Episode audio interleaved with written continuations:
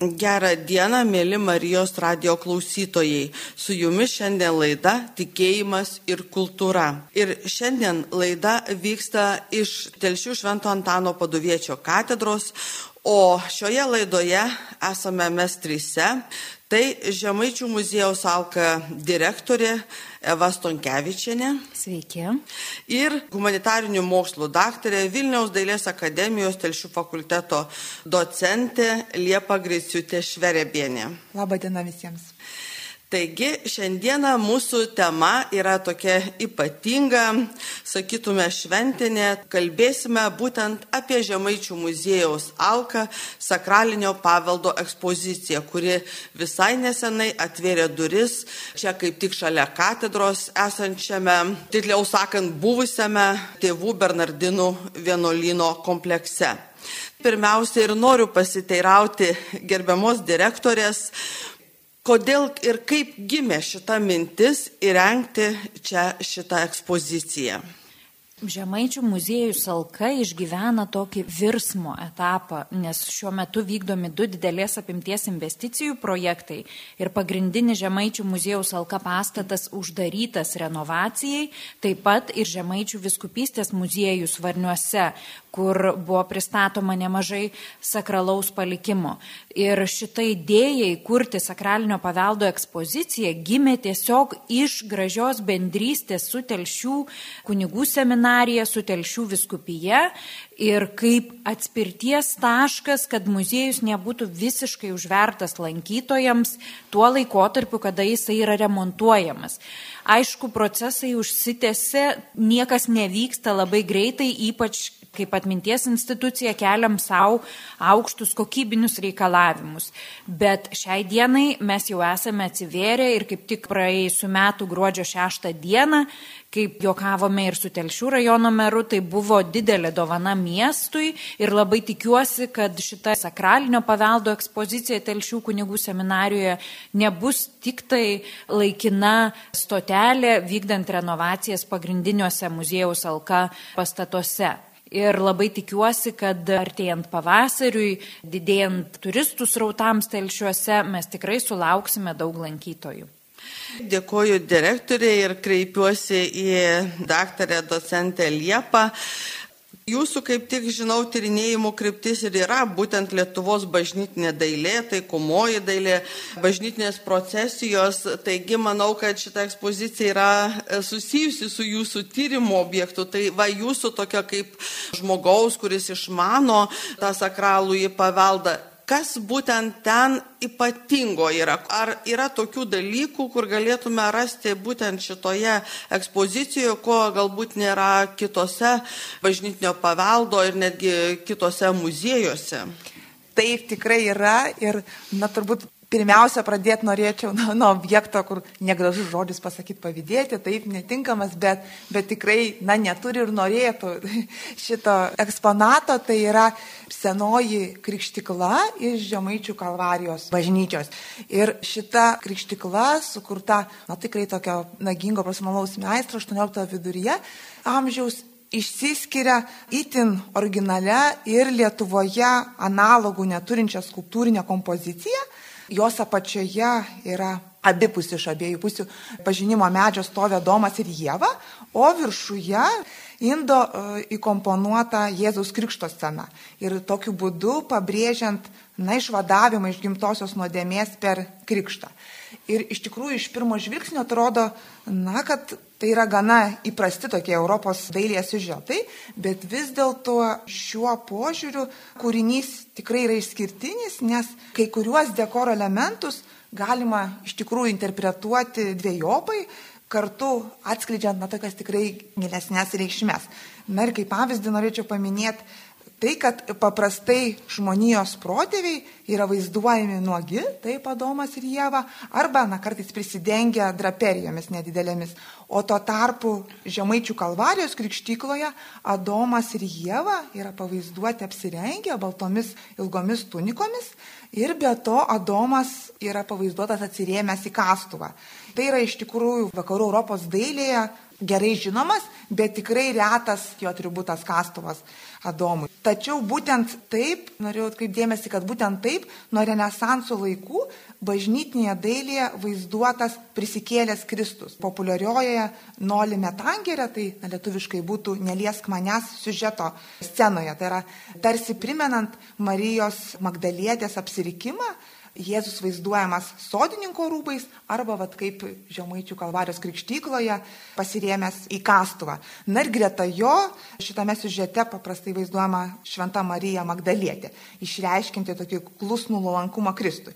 Na ir vat žemaičių kalvarijos krikštykloje Jėva pavaizduota sėdinti, irgi taip iš šona, kiek nedrasiai, taip nuolankiai pasukusi galvą.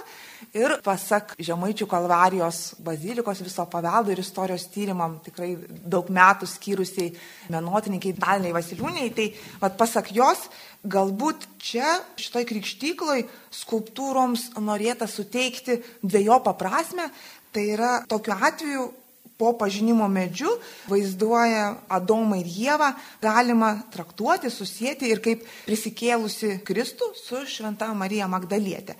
Ir tokia va siužeto interpretacija iš tikrųjų stipriau susiję Krikšto sakramentą su prisikėlimu.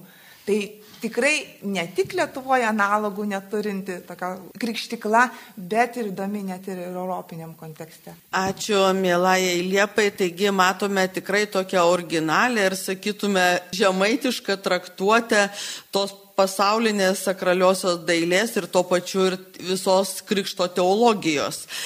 O dar jeigu grįžtant, daktarė Liepa, prie tos krikštyklos, o meninė prasme, teologinė prasme jinai labai stipri, o meninė prasme? Ir meninė prasme iš tikrųjų vertas dėmesio kūrinys, jau minėjau, kad 18 amžiaus viduryje tikrai na, profesionalaus meistro ir galima žiūrėti ir į pačių šventųjų veidus pavaizduotas, kūno proporcijas, po restauracijos iš tikrųjų atgimusi ir senoji polichromija ir tikrai įspūdingai atrodo. O aš tik tai, mėlyje Marijos radio klausytojams, priminsiu, kad Žemaičių kalvarija tai buvo tikrai labai svarbi piligriminė vieta, kur kryžiaus kelias, kur kalvarijų kalnai, kurie dabar įtraukti net į UNESCO paveldo saugomų nematerialaus paveldo objektų sąrašą. Ir ten, žinoma, veikia ir Dominikonų ordinas, Dominikonų vienuolynas taigi, kuris, aišku, turėjo ryšių ir po visą Lietuvą ir pasaulyje, Europoje, taigi galėjo pasikviesti profesionalius menininkus ir šiandien mums yra išsaugota šita nuostabi krikštikla. Tai dabar tada norėčiau dar paklausti direktorės, o Kas jums ypatingai šitoje ekspozicijoje taip traukia jūsų dėmesį? Ką jūs norėtumėt atkreipti lankytojų dėmesį, kurie atvyks aplankyti šitos sakralios ekspozicijos? Na, iš tiesų džiaugiuosi, kad šita ekspozicija atsirado, bet aš matau šitos ekspozicijos prasme tokiam platesniam kontekste, kaip įstaigos vadovas, kaip Žemaičių muziejaus Alka vadovas todėl kad mes atveriam Žemaitijos ir visos Lietuvos gyventojim ir turistam iš kitų šalių žymiai platesnį pasakojimo kontekstą įvairiomis skirtingomis temomis, kaip Žemaičių muziejus Alka. Tai vad neužilgo atsivers pastatas Alkos pagrindinis, kur pristatom tikrai turtingą dvarų kultūrą, Žemaitijos regiono istorinius kontekstus, Žemaičių viskupystės muziejus pasakojantis apie krikščionybės pačias pradžių pradžios ištakas, turintis savo unikalią istoriją.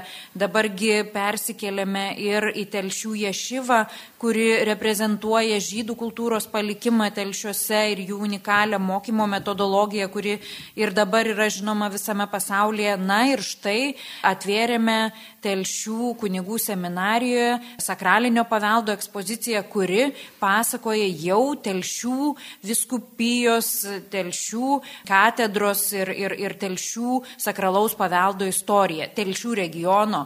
Tai aš manau, kad tai yra labai svarbu. Mes kaip telšiškiai dažnai didžiuojamės ir, ir sakom, kad čia pas mus telšių viskupija tai mažasis Vatikanas.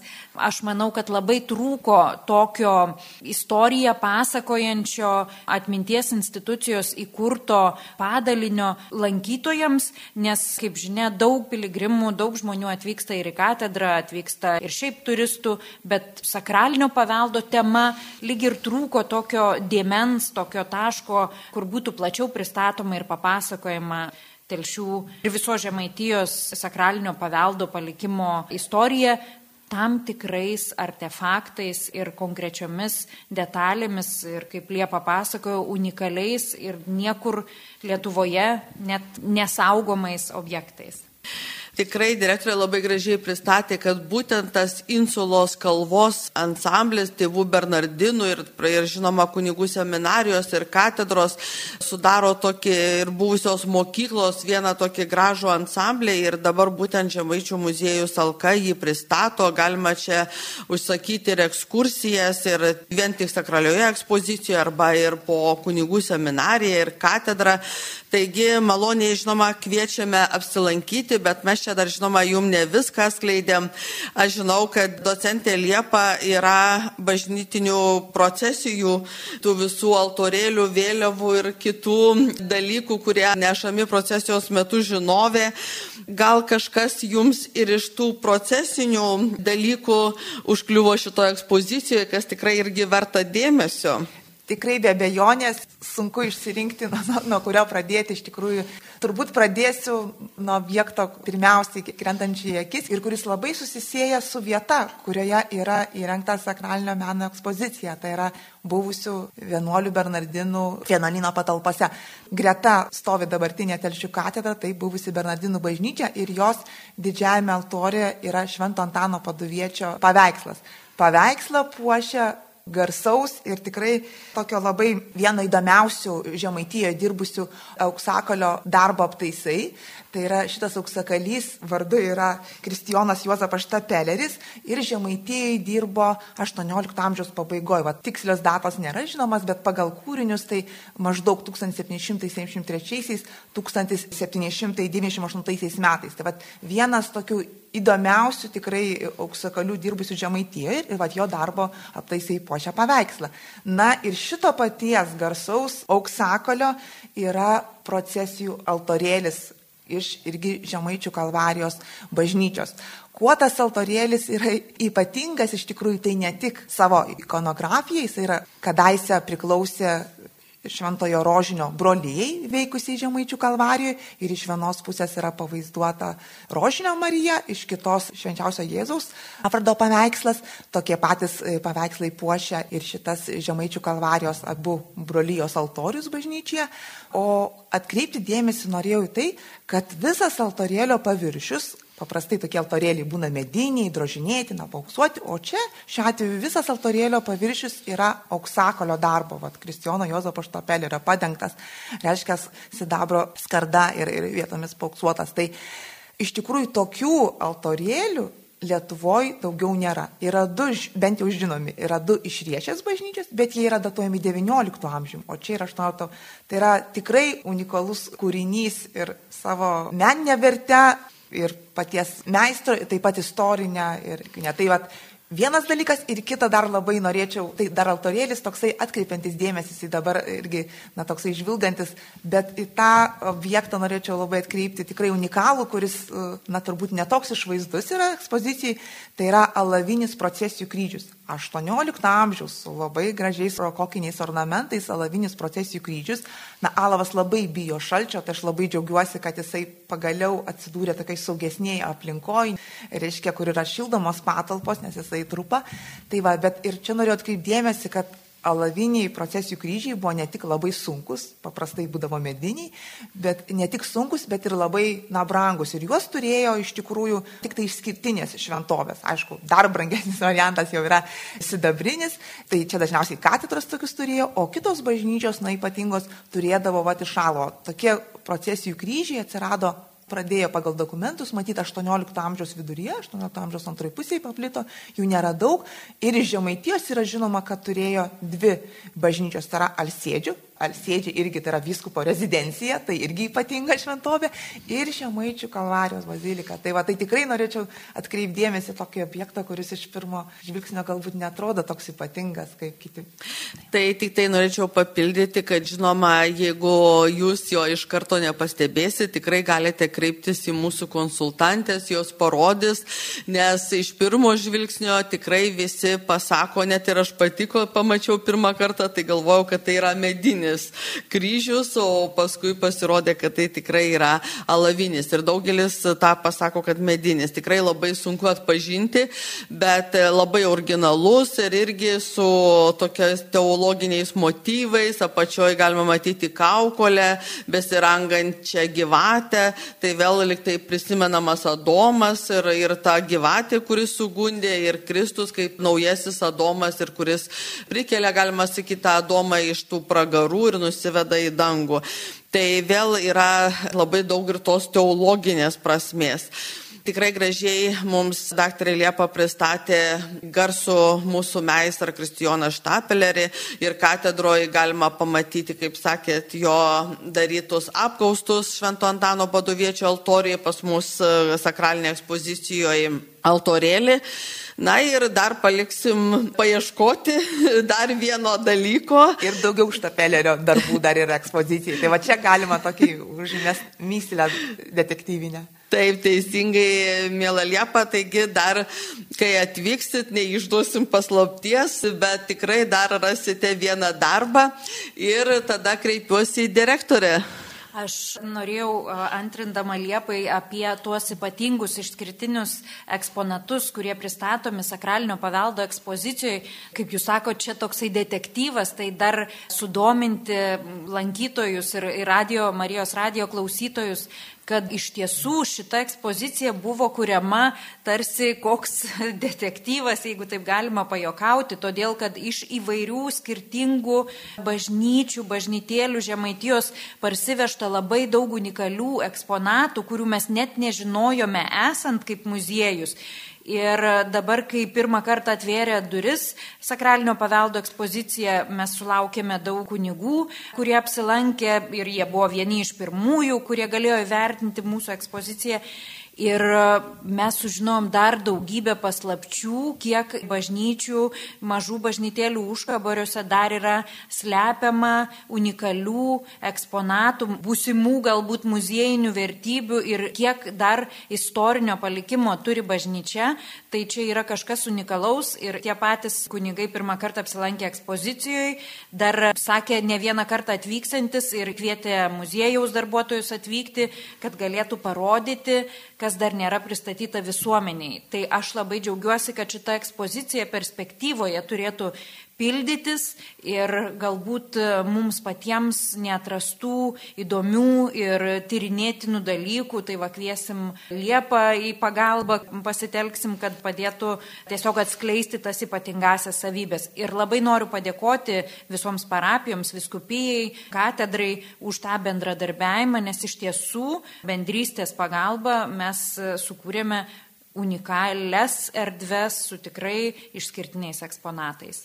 Dėkoju direktoriai, noriu priminti Milė Marijos radio klausytojams, kad su jumis šiandien yra laida Tikėjimas ir kultūra. Ir tikrai mes džiaugiamės tuo bendradarbiavimu telšiuose, kuris vyksta ir tarp Žemaičių muziejaus Alkos, ir taip pat Vilniaus dailės akademijos telšių fakultetu, ir su gerbiama docentė Liepa, ir su kitais profesoriais ir docentais.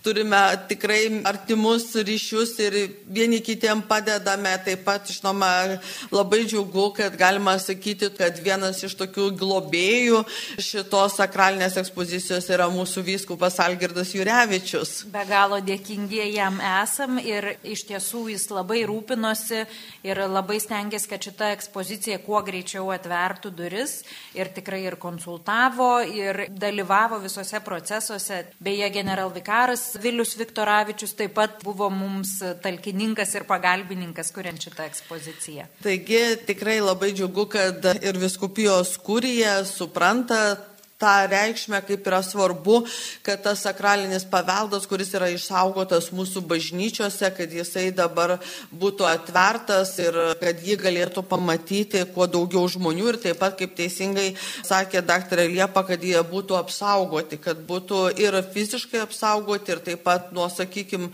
tokių ir šalčio, šilumos sviravimo. Na ir žinoma, reikia pasakyti, kad jau ir pati ta aplinka to buvusio Bernardinų vienuolyno, ties skliautai, jie taip pat prie tos ekspozicijos prisideda, jie tiesiog kalba, jie labiau atveria visą tai, kas yra ten pavaizduota. tikrai noriu pasakyti, kad ten yra daug dalykų, ko mes galbūt visko ir neišpasakosime, bet yra ir labai unikali medinių mūsų skulptūrėlių ekspozicija. Žinoma, Žemaičių muziejus yra Alka labai turtingas, jis yra išsaugojęs labai daug tos mūsų medinės skulptūros, aišku, mes čia rodom tik tai mažą dalelę ir kai atvyksite, tai pamatysite, kad tie šventieji yra tokie ypatingi. O kuo jie ypatingi? Tuo, kad tie šventieji rodomi tos skulptūrėlės, kurios šventieji yra ir mūsų telšių Švento Antano paduviečio katedroje.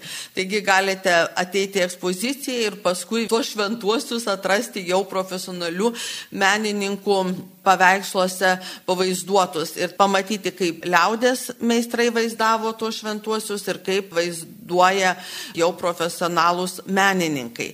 Taip pat e, mes, žinoma, turime ir įvairius liturginius indus.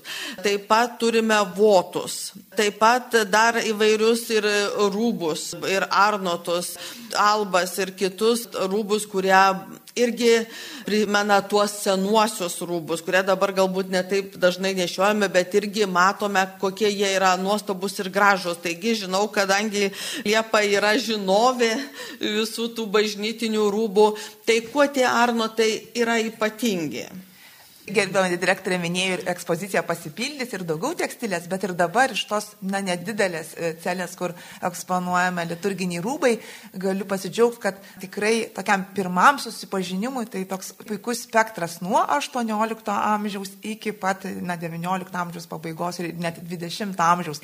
Perbėgama pavyzdžiais, labai, na, puikiai parinktais nuo, nuo seniausių tekstilės pavyzdžių iki naujausių ir net ir nuo tokio vėlyvo baroko rokoko iki klasicizmo klasicizmo stiliaus.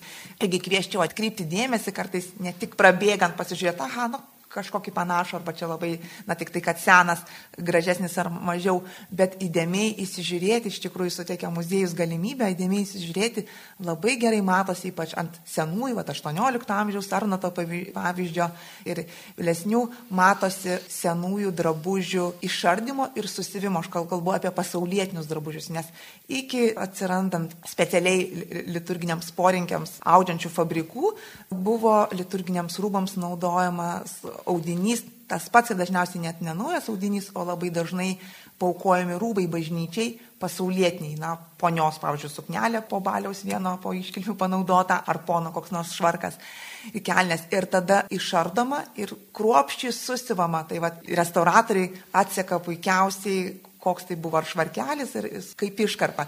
Tai iš tikrųjų muziejų liesti negalima, bet prieėjus tikrai galima pasėti labai gražiai matosi, kaip vingiuoja susivimai iš mažų skiaučių susiva. Tai va, ir to pačiu suteikia ir apie na, buvusią pasaulietinę madą mums žinių. Ir taip pat na, tokių istorinių memorialinių aspektų vertingi jau 20 amžiaus rūbai tai vyskupo Taukaičio. Taip teisingai, tikrai labai džiaugiuosi, kadangi užsiminėt kaip tik tai pasiūtą specialiai Arnotą, minint jo 50-asias kunigystės metinės 1940 metais. Na ir žinoma, artėja vasario 16, taigi negalime neprisiminti, kad mūsų pirmasis telšių vyskupas Justinas Taugaitis buvo ir vasario 16 aktų signataras ir vienas iš valstybės kūrėjų be abejo daug padaręs čia, bet jau čia bus kita laida. Arba jeigu atvyksit, mes jums papasakosim. Na taip pat labai džiugu, kad yra Arnotas ir viskupo Vincento Borisevičiaus, taip pat jo gintarinis rožinės, jo knygos, kiti jo daiktai naudoti, o būtent antrasis mūsų telšių viskupas ir pirmasis seminarijos rektorius Vincentas Borisevičius dabar buvo nužudytas už tai, kad jis liko ištikimas Dievui ir tėvynė ir dabar jau baigta betifikacija beatifikacijos byla viskupijoje perduota Romai, taigi ateityje šitie daiktai jau bus ir relikvija. Na, o vis tik tai mūsų laida po truputį eina į pabaigą. Ir dar jau artėjant mūsų laidai po truputį į pabaigą, vis tik tai turime dar tikriausiai prisiminti ir mūsų ten taip gražiai, tokiam pailgam koridoriui, saugomus kryžių saulutes. Tie kryžiai, kaltiniai liaudės meistrų yra įtraukti į mūsų nacionalinio paveldo ir UNESCO paveldo sąrašą.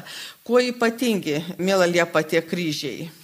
Nu, iš tikrųjų, jie visi kadaise puošė bažnyčios arba koplyčias, tie mažesniai ir koplytėlės. Tai iš tikrųjų irgi ryšys tarp tos profesionaliosios ir liaudiškosios dailės, na, bažnyčios aplinkoje paveldėtas iki mūsų dienų atės. Ir šitą labai džiugu iš tikrųjų, kad, na, kryždirbystės ir kalvystės iš tikrųjų tradicija šiuo metu ne tik įtraukta į UNESCO, reiškia paveldą sąrašą, bet ir, ir yra tikrai aktyviai puoselėjama ir kaip tik žemaityje mūsų regione taip pat iš tikrųjų kartu ir priminimas apie senąją tradiciją ir paskata naujai kūrybai. Papildydama daktarę Liepą dar norėčiau pasakyti, kad tai yra labai svarbu emociškai ir dvasiškai, kad visa ekspozicija nėra tik, nežinau, ar galima tokį žodį pavartoti, nuogų artefaktų kažkoks rinkinys. Reikia suprasti, kad kiekvienas eksponatas išgyveno savo istorijas, procesijų kryžiai, įvairiausias e, šventės procesijas, kažkokie rūbai, nežinau, laidotuvės sunkiausius e, laikus. Ir per istorinius sudėtingus įvairiausius laikotarpius, kai kurie jų buvo slėpti, atrasti visiškai netikėtose vietose. Ir kad kiekvienas iš jų neša ne tik tą istorinę žinę, ne tik tai tą meninę žinę, bet ir emocinę, dvasinę mūsų tautos išgyvenimo, mūsų tikėjimo stiprinimo ir to išlikimo iki šių dienų kas ypač aktualu esant tokiai geopolitiniai situacijai, vykstant karui Ukrainoje. Tai labai kviečiu kiekvieną atėjusi pabandyti tiesiog pajausti, suprasti ir, kaip gerbiama Liepa sakė, ne tiesiog praeiti ir, ir pažiūrėti kaip į kažkokį paprastą objektą, bet pabandyti suprasti, kokia jo visa istorija ir kokią žinutę ir kokią dvasinį svorį šitie eksponatai neša. Tai papildant direktorę, aš taip pat norėčiau priminti, kad yra pas mus irgi dabar praktikuojama tokio, sakytume, vieno eksponato parodimas, tai minint 1000 1863 metų sukilimą irgi atidengiam, na, vieno eksponato iš tikrųjų jis sudaro trys, taigi 1863 metais žemaičiai taip pat aktyviai dalyvavo sukilime, telšiai, kadangi buvo didelis apskrities centras tuo metu, čia buvo apskrities valdžia, kalėjimas, na, sukilėliai kunigai Noreika ir Gargasas, jie buvo atvežti į telšių kalėjimą, čia nuteisti ir sušaudyti ganyklose už telšių. Tačiau miestiečiai prisijungė prisiminė tą vietą, saugojo ir kada jau buvo atkurta nepriklausoma Lietuva 1922 metais, jų palaikai iš miesto ganyklų buvo perkelti į katedros šventorių. Yra išlikusi nuotrauka, kurią mes eksponuojam ir tarp jų kūnų buvo rastos dvi kulkos. Taigi ir tas kulkas, na, o taip pat, kad plačiau suprastume, kaip vyko tas sukilimas, tai yra ir ginklai rodomi sukilėlių sukilėlių ir taip pat dar kitų sukilėlių nuotraukos ir laiškai, primenant, kad tikrai žemaičiai aktyviai dalyvavo sukilime kartu su lietuviais, su baltarusiais, ukrainiečiais. Taigi ta buvo mūsų vėl bendra kova už laisvę prieš Rusijos imperiją. Tai mes tengiamės atliepti taip pat, e, nors ir nedideliais, negausiais eksponatais, nes aišku labai trūksta vietos ir e, visą tas aktualijas, kurios yra tiek Lietuvoje, tiek ir už jos ribų. Taigi šiuo metu galime ir pamatyti va šituos tokius originalius mūsų Žemaičių muziejų Alkas saugomus eksponatus.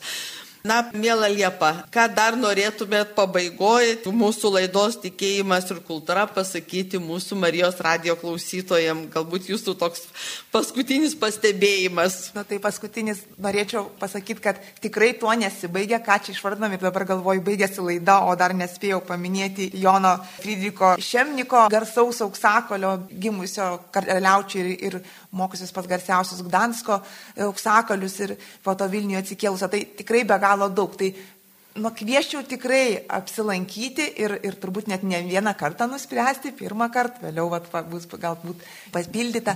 Tai tikrai nu, kvieščiau visus apsilankyti ir įsižiūrėti į objektus, į kūrinius, pajusti jų dvasę, kaip direktorė sakė. Ir tikrai yra, na, tokių kai kurių, tai tikrai detektyvinių istorijų. Va ta pati Žemaičių kalvarijos krikštikla.